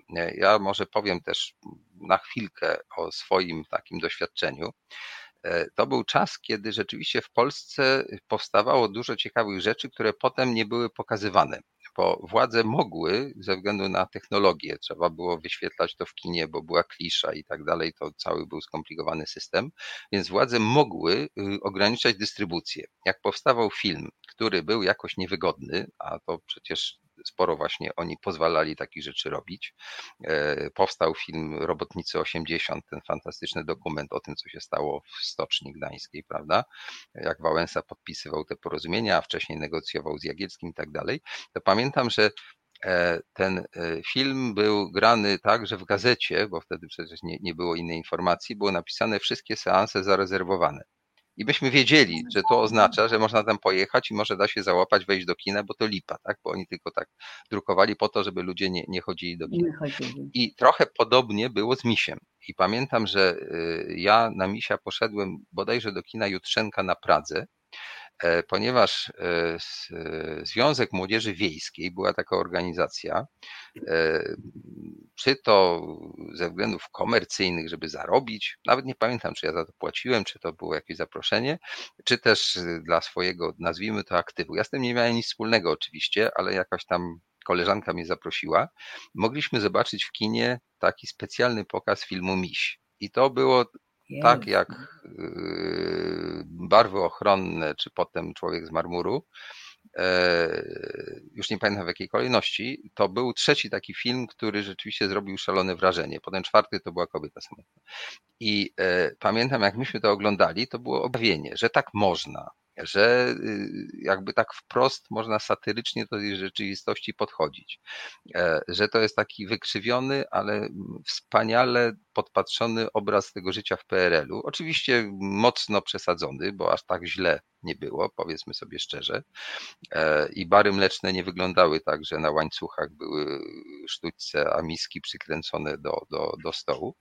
E, ale faktem jest, że ta, ta, ta, to poczucie absurdu, ten, ten taki dziwny klimat PRL-u, kiedy wszystko było jakby właśnie trochę nieprawdziwe. To znaczy, oficjalna wersja życia była inna niż ta prawdziwa, prawda? E, I, i wszystko miało ten przydomek socjalistyczny, demokracja socjalistyczna i tak dalej, i tak dalej. To słowo socjalistyczne było takim e, no, dodatkiem, który w zasadzie zmieniał treść. Tak? To już nie, nie była żadna demokracja, bo te wybory były przecież ustawione, lipne i tak dalej. No i w tym filmie ty jesteś zjawiskowa, naiwna i głupia do bólu, ale tak słodka, że po prostu tej postaci nie można zapomnieć. To opowiedz, jak ty się do tego filmu dostałaś, bo to jest i niezwykła historia, jak ci się pracowało z Bareją, bo to jest legenda. Ja akurat Zanussiego znałem, Wajdę znałem, Holland znałem yy, i tak dalej, a nigdy się nie zetknąłem z Bareją. No, ja mnie się wydaje, że oni właśnie widzieli barwy ochronne i ta, no, no, ta naiwność właśnie tego, że że, że ta, ta akurat w barwach się znajduje w rzeczywistości, której ona kompletnie nie rozumie.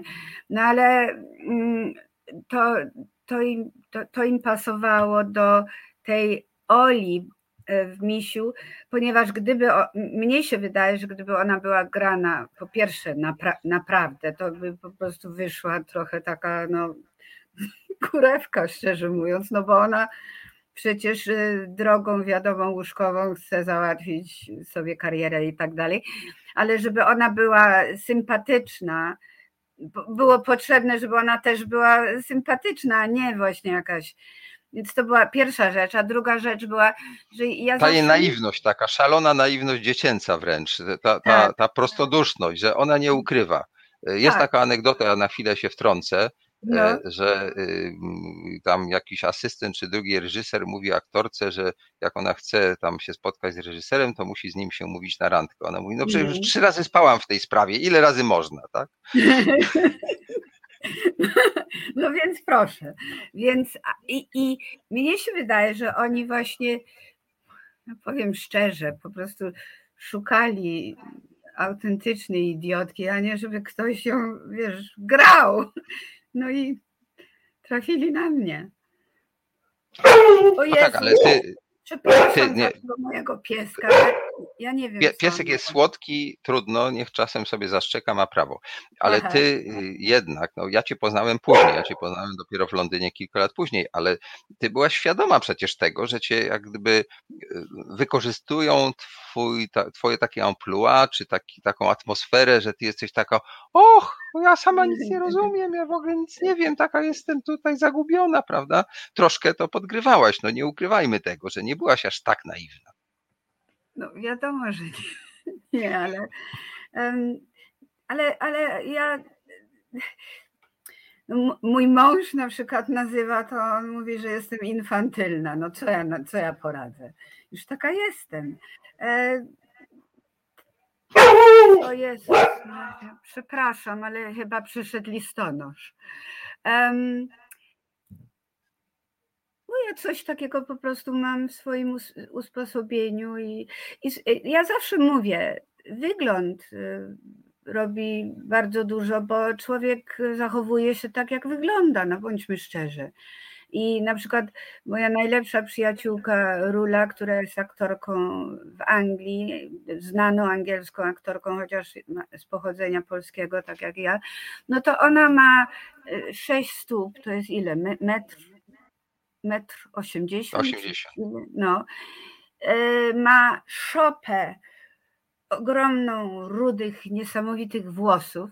No i my jesteśmy najlepsze przyjaciółki, a jesteśmy tak różne właśnie, bo też tak różnie wyglądamy. I ja się zachowuję tak, jak ja wyglądam, a ona się zachowuje tak, jak ona wygląda. I ludzie mają tendencję myśl, myśleć, że ona jest taka trochę um, zarozumiała, czy taka właśnie niedostępna, czy a, a ona no po prostu, no, jak ona by się zachowywała tak jak ja, z tym wyglądem, to ona by bardzo dziwnie jakoś wychodziła, prawda?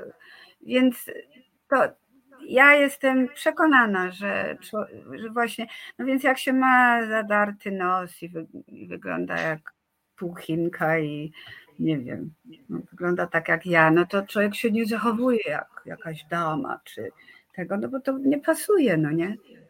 I, i... No nie, pewnie, no jednak nasza fizyczność y, w dużym stopniu nas określa. No to no więc... tak, że jak jesteś aktorką, oczywiście możesz pewne rzeczy inaczej przedstawić, możesz coś tam zagrać, ale Mogę. to nie jest.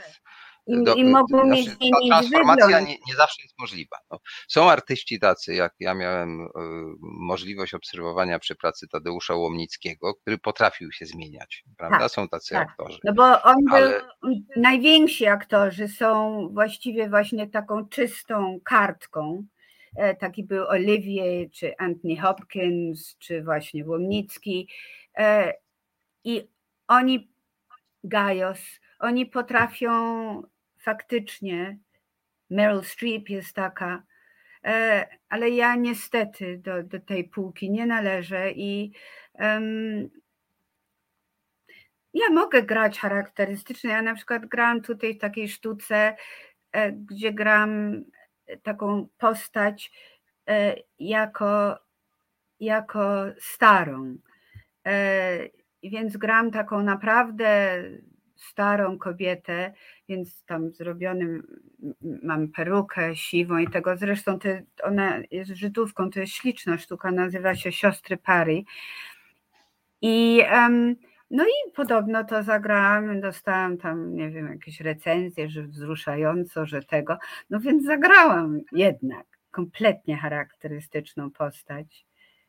Z wyglądu może, i że, ale może też jakaś, tam jest też w niej bardzo dużo takiej nostalgii, takiego. No ona jest, nie jest ostrą postacią, tylko taką dosyć. Um, miękką. E, no, zgadzam się z Tobą, że rzeczywiście ci aktorzy, którzy potrafili się tak przeistaczać, e, to trochę byli tacy jak gdyby e, no nie, że bez wyrazu, bo to byli bardzo nie, ale ludzie, ale mieli taką fizyczność, której się trochę nie zauważało, jeśli nie nałożyli na to maski. Na przykład Robert De Niro, to na ulicy byśmy go minęli, w ogóle prawie, że nie do zauważenia, bo on do każdej roli jakoś tak się przeistaczał. Tak. E, ja miałem przyjemność spotkać się z nim osobiście, bo kiedyś e, dostaliśmy takie stypendium z jego fundacji on nas tam podejmował w Nowym Jorku wow. w restauracji. E, pamiętam bardzo miły człowiek, ale właśnie taki, że mm, jak się z nim rozmawiało, tak, że tak powiem, face to face, tak. no to w ogóle normalny facet, tak? Że nic, tak, nic z tak, tych tak, postaci tak, takich niezwykłych, które on grał, ale jakich psychopatów, on bardzo lubił psychopatów. E, I trochę podobnie było z Tadeuszem Łomnickim. Pamiętam też, że Łomnicki był całkiem fajnym, normalnym facetem, z którym ja akurat byłem przez chwilę i w szkole teatralnej, i potem chodziłem do niego na próby. Mm, I pamiętam, że, że, że to był człowiek, który dopiero jakby w tej roli zaczynał istnieć jako mm, postać. Mm, tak, a tak, to po prostu taki sobie pan. I no, także ale powiedz jeszcze wobec tego, y, czy Stanisław Bareja, jak cię reżyserował, tak. prawda? Czy, czy, czy to było tak? Bo to w kinie też się tak zdarza, że po prostu aktor jest jakby gotowy, się kręci i już się nic nie poprawia. Ja ostatnio robiłem coś z mm, e, Anną Seniuk, ona przeczytała mm. tę rolę, którą jej napisałem i, i, i, i, na próbie tak to przeczytała, że ja po prostu potem podszedłem i mówię, tak to trzeba zrobić. Nic nie, nie, nie mam uwag, nie, nie mam uwag. Innych aktorów tam trochę poprawiałem, ustawiałem, a czasem aktorzy po prostu tak wejdą od razu, od razu w postać. Jestem pełen niezwykłego szacunku dla Anny Seniuk, tak przy okazji mówię. To było słuchowisko, przy okazji zareklamuję w najbliższą niedzielę e, będzie o 21 w pierwszym programie Polskiego Radia. Nazywa się to Roman i Julia, Julia właśnie gra Anna Seniuk, czyli romans mojej babci. Tak, tak, takie coś zrobiliśmy. Gra tam Kazi Kaczor, Kazimierz Kaczor, przepraszam, z całym szacunkiem, Anna Seniuk, Sławomir Pacek i Izabela Dąbrowska. Ale wracamy do ciebie. Czy wobec tego Stanisław Bereja jakoś cię poprawiał, ustawiał, czy po prostu byłaś tak trafiona w dziesiątkę, że tylko trzeba było powiedzieć kamera, akcja i szło? No, muszę przyznać szczerze, że nawet nie było dużo dubli, przeważnie były techniczne, jeśli coś, bo faktycznie to było dosyć takie z mojej strony spontaniczne. Przed, czasami przed ujęciem, czy często przed ujęciem, e, trochę mi mówił Staszek tym, bardzo mi pomagał. No on był bardzo ważny w tym tandemie, prawda? On był takim no, jak gdyby on przecież też duchowym to, bratem współ, współautorem, więc on wiedział, prawda, co oni chcieli. E, ja na przykład ja, ja zawsze sobie wyobrażam, jakie to musi być strasznie trudne dla reżysera. Tak samo powiedzmy, jak dla autora sztuki teatralnej, czy, czy scenariusza, czy tego, bo oni mają swoje wyobrażenie, prawda, bardzo silne i no i co, co, co, co, co się dzieje, jak cały czas to nie jest tak zupełnie, jak oni by chcieli, prawda? Co jest bardzo możliwe i bardzo na pewno często się zdarza, no bo e, aktor nie potrafi czytać myśli tych realizatorów, prawda? Czy tych, którzy to napisali, co oni dokładnie chcieli. Musi być jakiś kompromis. I, i to kompromis znaczy się. I to musi być bardzo e, ciężkie dla, bo, bo oni muszą iść na kompromis. Reżyser na przykład.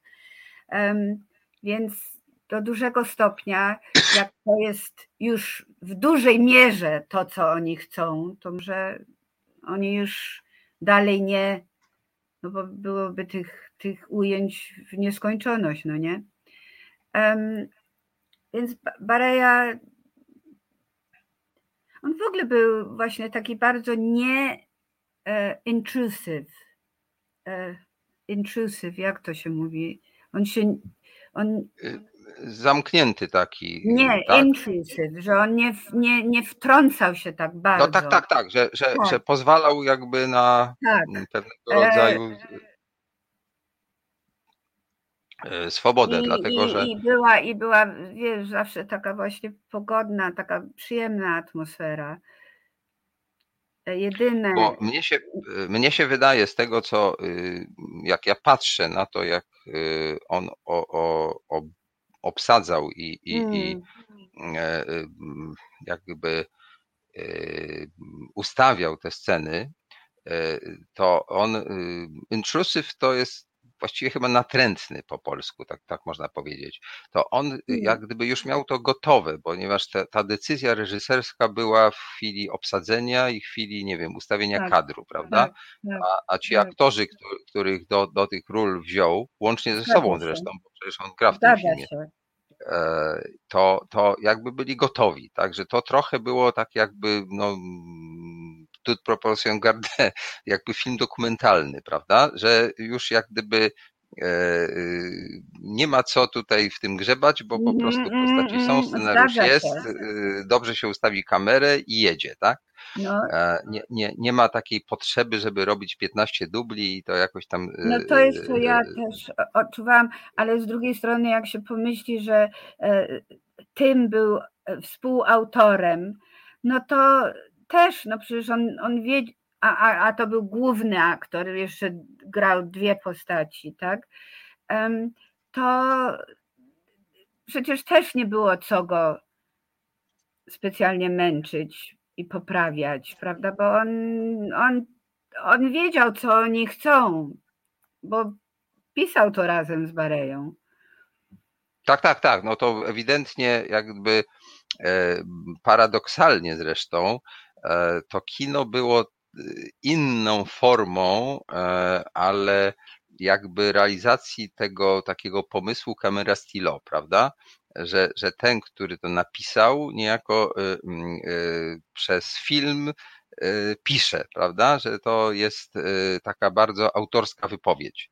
To jest oczywiście -hmm. zabawne, jak się y, mówi o, o twórczości Barei i Tyma, ponieważ ma ona charakter satyryczny, komediowy, prześmiewczy, farsowy itd., tak itd., tak a normalnie te, te kategorie takie autorskie to się przypisuje właśnie E, dziełom e, tym takim bardziej serio, takim mm, wypowiedziom mm. na mhm. temat świata, filozofii czy, czy, czy moralności i tak dalej. A tutaj e, i ten duet, który niestety właśnie no, potem przestał być duetem, bo przedwcześnie no Bareja zmarł, da, dawał takie poczucie, że, że, że to jest taka bardzo autorska wypowiedź, prawda? Mimo, że to były skecze, to ta konstrukcja tego filmu jest taka dosyć luźna. Część z tych skeczy mogła być, mogła nie być. To w ogóle nie ma tak, właściwie tak, tak, tak większego tak, tak, znaczenia. Tak, tak, tak. no ja sobie mi... wyobrażam, jak oni musieli to razem pisać, jakie to musiało być cudowne doświadczenie dla obydwu. I, I jestem absolutnie pełna podziwu ich niesamowitego poczucia humoru i tej abstrakcji właśnie. I, e, tak. I y, dla mnie to jest przykład i, i, i twojej tam roli i zresztą różnych innych, bo tam jest masa różnych epizodów, które są tak skonstruowane, że to jest taka no. maleńka perełka, prawda? Tak, tak, tak. E, dzisiaj jak się to ogląda, no to można oczywiście zastanawiać się nad pewną taką prostotą tej opowieści, tak, w sensie się, sposobu realizacji. Dzieło.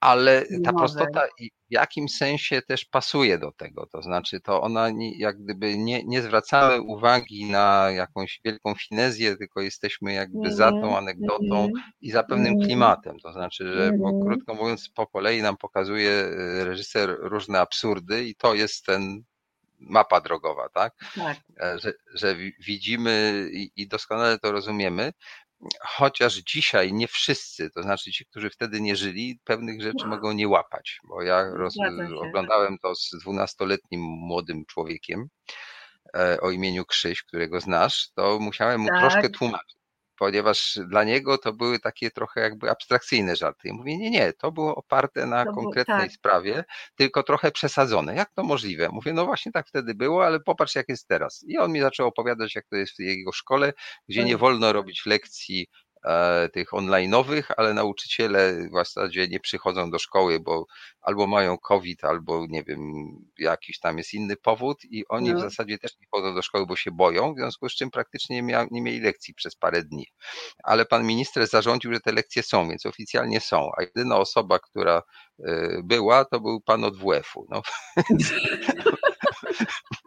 mamy do czynienia z barejowsko-tymowskim absurdem, który, że tak powiem, na naszych oczach jest i, i tutaj z kamienną twarzą pan minister mówi o sukcesach, o różnych tam takich, takich ważnych sprawach i tak dalej. Już nie mówi o ideologii, to zostawmy tę ideologię, tylko chodzi po prostu o to, że ewidentnie nie jest tak, jak nam to się przedstawia, tak? I to, to jest to, co pokazywał Stanisław Bareja i, i, i genialnie, że tak powiem, od, odtwarzał te, te, te, te postaci tym i robił to no, zjawiskowo.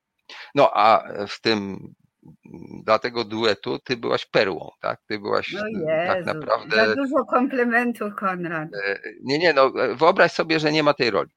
Wyobraź sobie ten film bez tej roli. Ja zawsze jak uczę studentów, to mówię, słuchajcie, to, to zobaczmy, co by było, gdybyśmy pewien element wyjęli.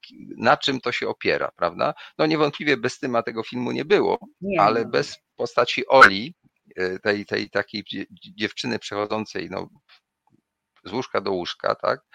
E, która marzy o Polańskim, którego ty zresztą znałaś, co było jeszcze śmieszniejsze, tak, prawda? Się. Więc nie musiałaś jakby jako, osoba y, tak abstrakcyjnie o tym myśleć, bo Romka znałaś i tyle.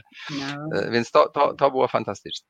No dobrze, słuchaj, to teraz tak, y, nie omówimy, bo i tak y, wypełniliśmy blisko dwie godziny tej naszej rozmowy tymi różnymi anegdotami. Nie omówimy wszystkich Twoich ról, wszystkich Twoich wcieleń. Nie powiemy o sztukach, które tłumaczyłaś, nie powiemy o wszystkich psach, nie powiemy o wszystkich Twoich mężach, nie powiemy o wszystkich Twoich mężczyznach, tak to nazwijmy. To zostawmy może na następną rozmowę, jeszcze kiedyś się spotkamy. Ale teraz jest dzisiaj taka sytuacja, że osoby znane, osoby lubiane, takie jak ty, takie jak e, Maciej Sztur, e, takie jak e, Janusz Gajos, albo Maśka Kurdej-Szatan. Maja Ostaszewska czy Barbara Kurdej-Szatan wypowiadają się publicznie i zajmują stanowisko, prawda? I to, co kiedyś wydawało się rzeczą taką, powiedziałbym, akceptowaną. To znaczy, w momencie, kiedy na przykład aktorzy, świat aktorski w Polsce e, nie zgadzał się z tym, co się stało 13 grudnia 1981 roku, prawda? Prowadzenie tak. stanu wojennego przez generała Jaruzelskiego, niezależnie jak to dzisiaj oceniamy, ale wtedy tak, środowisko tak, artystyczne uznało, że to był zamach stanu, że to ta twarz komunizmu, ta brzydka się objawiła mm, i aktorzy mm, powiedzieli, nie występujemy w propagandowej mm, telewizji. Mm. Teraz jest inaczej. Teraz jest tak, że masa aktorów występuje w tych różnych e, telenowelach, w tych różnych mm, mm, takich, no nie wiem, programach i tak dalej, i tak dalej. Ja szczerze mówiąc ich nie oglądam, więc tutaj nie, nie, będę popisywał się tytułami, bo, bo, bo ja praktycznie telewizji w ogóle nie oglądam. A, ale jest też pewna grupa aktorów, która tam nie występuje, która z kolei zajmuje stanowisko takie, że wskazuje na konkretne sprawy. Maciej Sztur pojechał y, na granicę polsko-białoruską. Tak, w tej tak. sprawie wypowiedziała się Barbara Kurdej-Szatan. Y, tak. Maja Ostaszewska podobnie, Janusz Gajos wcześniej. Iluś aktorów się y, wypowiadało. Zresztą ja muszę powiedzieć, że kilku aktorów bardzo mi pomogło. Na przykład Piotr Franceski, jak myśmy kończyli robić film e, pod tytułem Dobra Zmiana, to wtedy też nas wsparli, prawda, że taki film powinien powstać. No i teraz pytanie do ciebie takie. E, co sądzisz właśnie na temat e, obecnego stanu rzeczy? Czy to dobrze, że aktorzy, no, którzy, jak kiedyś mówił Kazimierz Dejmek, służą do grania, a nie do innych rzeczy, tak? tak. I, i, I czy to jest ok? Czy, a może to jest potrzebne, a może powinni niektórzy y, jednak y, głośno powiedzieć, co myślimy, prawda? No bo część ludzi myśli, a nie mówi. No to jakie jest Twoje zdanie w tej sprawie? No, ja myślę, ja podziwiam i szanuję bardzo tych, którzy się wypowiadają i uważam, że jeśli możliwe, prawda, aktor, który jest rozpoznawalny i który, nie wiem, ma Instagram, czy tam te wszystkie społeczne e, sposoby wyrażenia się, że to jest bardzo ważne. E, ja rozumiem, że niektórzy, no nie wiem, i to samo było w komunie, e, obawiając się, prawda, o rodzinę, czy tam o, no właśnie, brak pieniędzy, e, e, nie mieli odwagi, nie mieli odwagi się wypowiadać, ale uważam, że to jest ważne, że każdy, który może coś powiedzieć, nawet jeżeli to jest zwykły człowiek, powinien. E, jest źle, jest niedobrze, jest dużo rzeczy kompletnie nie w porządku. E, grozi nam naprawdę duże niebezpieczeństwo, choćby e, że wyjdziemy z Unii, czy jakieś, co, co, co jest niewyobrażalne w ogóle. I y, trzeba mówić na głos, trzeba mówić. No, no.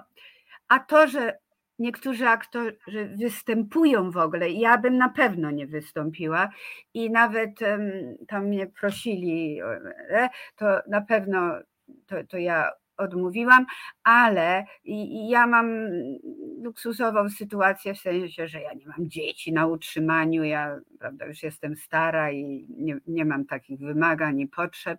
Um, Jesteś zawsze młoda. Jesteś zawsze dziękuję, młoda. dziękuję, dziękuję, tak. Powinieneś zobaczyć portret na strychu. Wiesz, jak Oskoła, no ta powieść Walda. Tak, tak, że, No. Um, więc um, i, i, i to, że oni w tych serialach występują, no, no tak jak mówię, no może to jest konieczność życiowa, ale tak trochę na nich, trochę mi się to nie podoba. Osobiście bym tego nie zrobiła. Um, I wiem, że podczas stanu wojennego bardzo dużo aktorów nie występowało, nawet tam jeździli na taksówkach i jakieś inne rzeczy robili. O, to, jest, to wymaga dużej odwagi. E, I jak wiemy, przecież są ludzie, którzy potrafili na przykład nie wydać kogoś pod, e, jak byli torturowani, a są ludzie, którzy w ogóle tak byli przerażeni, że natychmiast szli na prawda, współpracę. Więc są ludzie i ludziska i to, to jest do zrozumienia. E, tylko ja wolę akurat tych, którzy mają tą odwagę i, i którzy, no, musimy o coś walczyć, jeśli coś jest nie tak. No, a ja uważam, że jest bardzo nie tak. Jasne. I jeszcze dodam, że mnie jest potwornie przykro. Ja już przeżyłam, prawda, to, że się wychowałam na emigracji i że um, i ta polskość i to wszystko, więc faktycznie jestem bardzo patriotyczna e, i kocham Polskę i przyjechałam tu do Polski, jak rodzice odeszli, póki żyli, to ja nie mogłam ich zostawić, już byli starzy, prawda? Ale jak tylko odeszli, to ja z mężem się przeprowadziliśmy do Polski, gdzie ja mieszkam 20 lat i powiem szczerze, ja wyjeżdżam stąd. I jest mi wyjątkowo przykro, że po, po, tym, po tej wielkiej nadziei i po tym, e, po, tym, po tej uldze, że Polska odzyskała swoją niepodległość, prawda, że stała się Polską, stała się krajem europejskim, e, że tutaj wszystko tak poszło do przodu, no, że nagle my się cofamy, że to się dzieje, co się dzieje, to dla mnie jest e, ekstra przykre. Ale... No cóż, e, Krysiu, na tej smutnej nucie musimy dzisiejsze spotkanie no zakończyć. No więc e... miejmy nadzieję, bądźmy pozytywni i walczmy. No, starajmy się żyć przyzwoicie. Tak, A, i, ten, i, i, jeszcze jedna rzecz, ten hejt, który teraz się dzieje, no dla mnie to jest po prostu nie do zaakceptowania. Ja, ja, ja, to jest zjawisko, coś tak strasznego i, i te po, pozwolenie na te rozmaite rzeczy, które się dzieją, choćby jak y, Kalisz albo jak ci nasi wspaniali narodowcy, no cóż, miejmy nadzieję, że to, co niekoniecznie nam się podoba, e, nie będzie, że tak powiem, dominowało i tak jak były okresy, kiedy było fatalnie, to potem się robiło lepiej. W związku z czym e, trzymajmy kciuki za tych, którzy mają odwagę. E, tak. I nawet jak się z kimś nie zgadzamy, to pozwalajmy ludziom na to, żeby wyrażali swoją opinię pod Absolutnie. warunkiem, że ona jest cywilizowana i mieści się w granicach jakiejś kultury, prawda? Tak, i nie jest, jest wynikiem tylko e, propagandy, którą słyszą bez końca e, w, w, w wiadomościach telewizyjnych.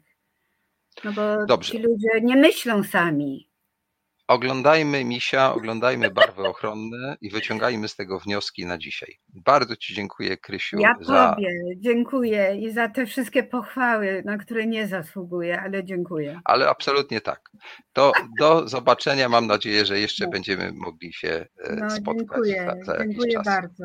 Mam nadzieję, że u Ciebie zagram kiedyś. No, mo, może się uda. Jak mi, że tak powiem, władze dadzą zrobić jakiś film, to wtedy będziesz na pewno grała. Trzymaj się, Kryszka. Dziękuję, dziękuję bardzo. Pa.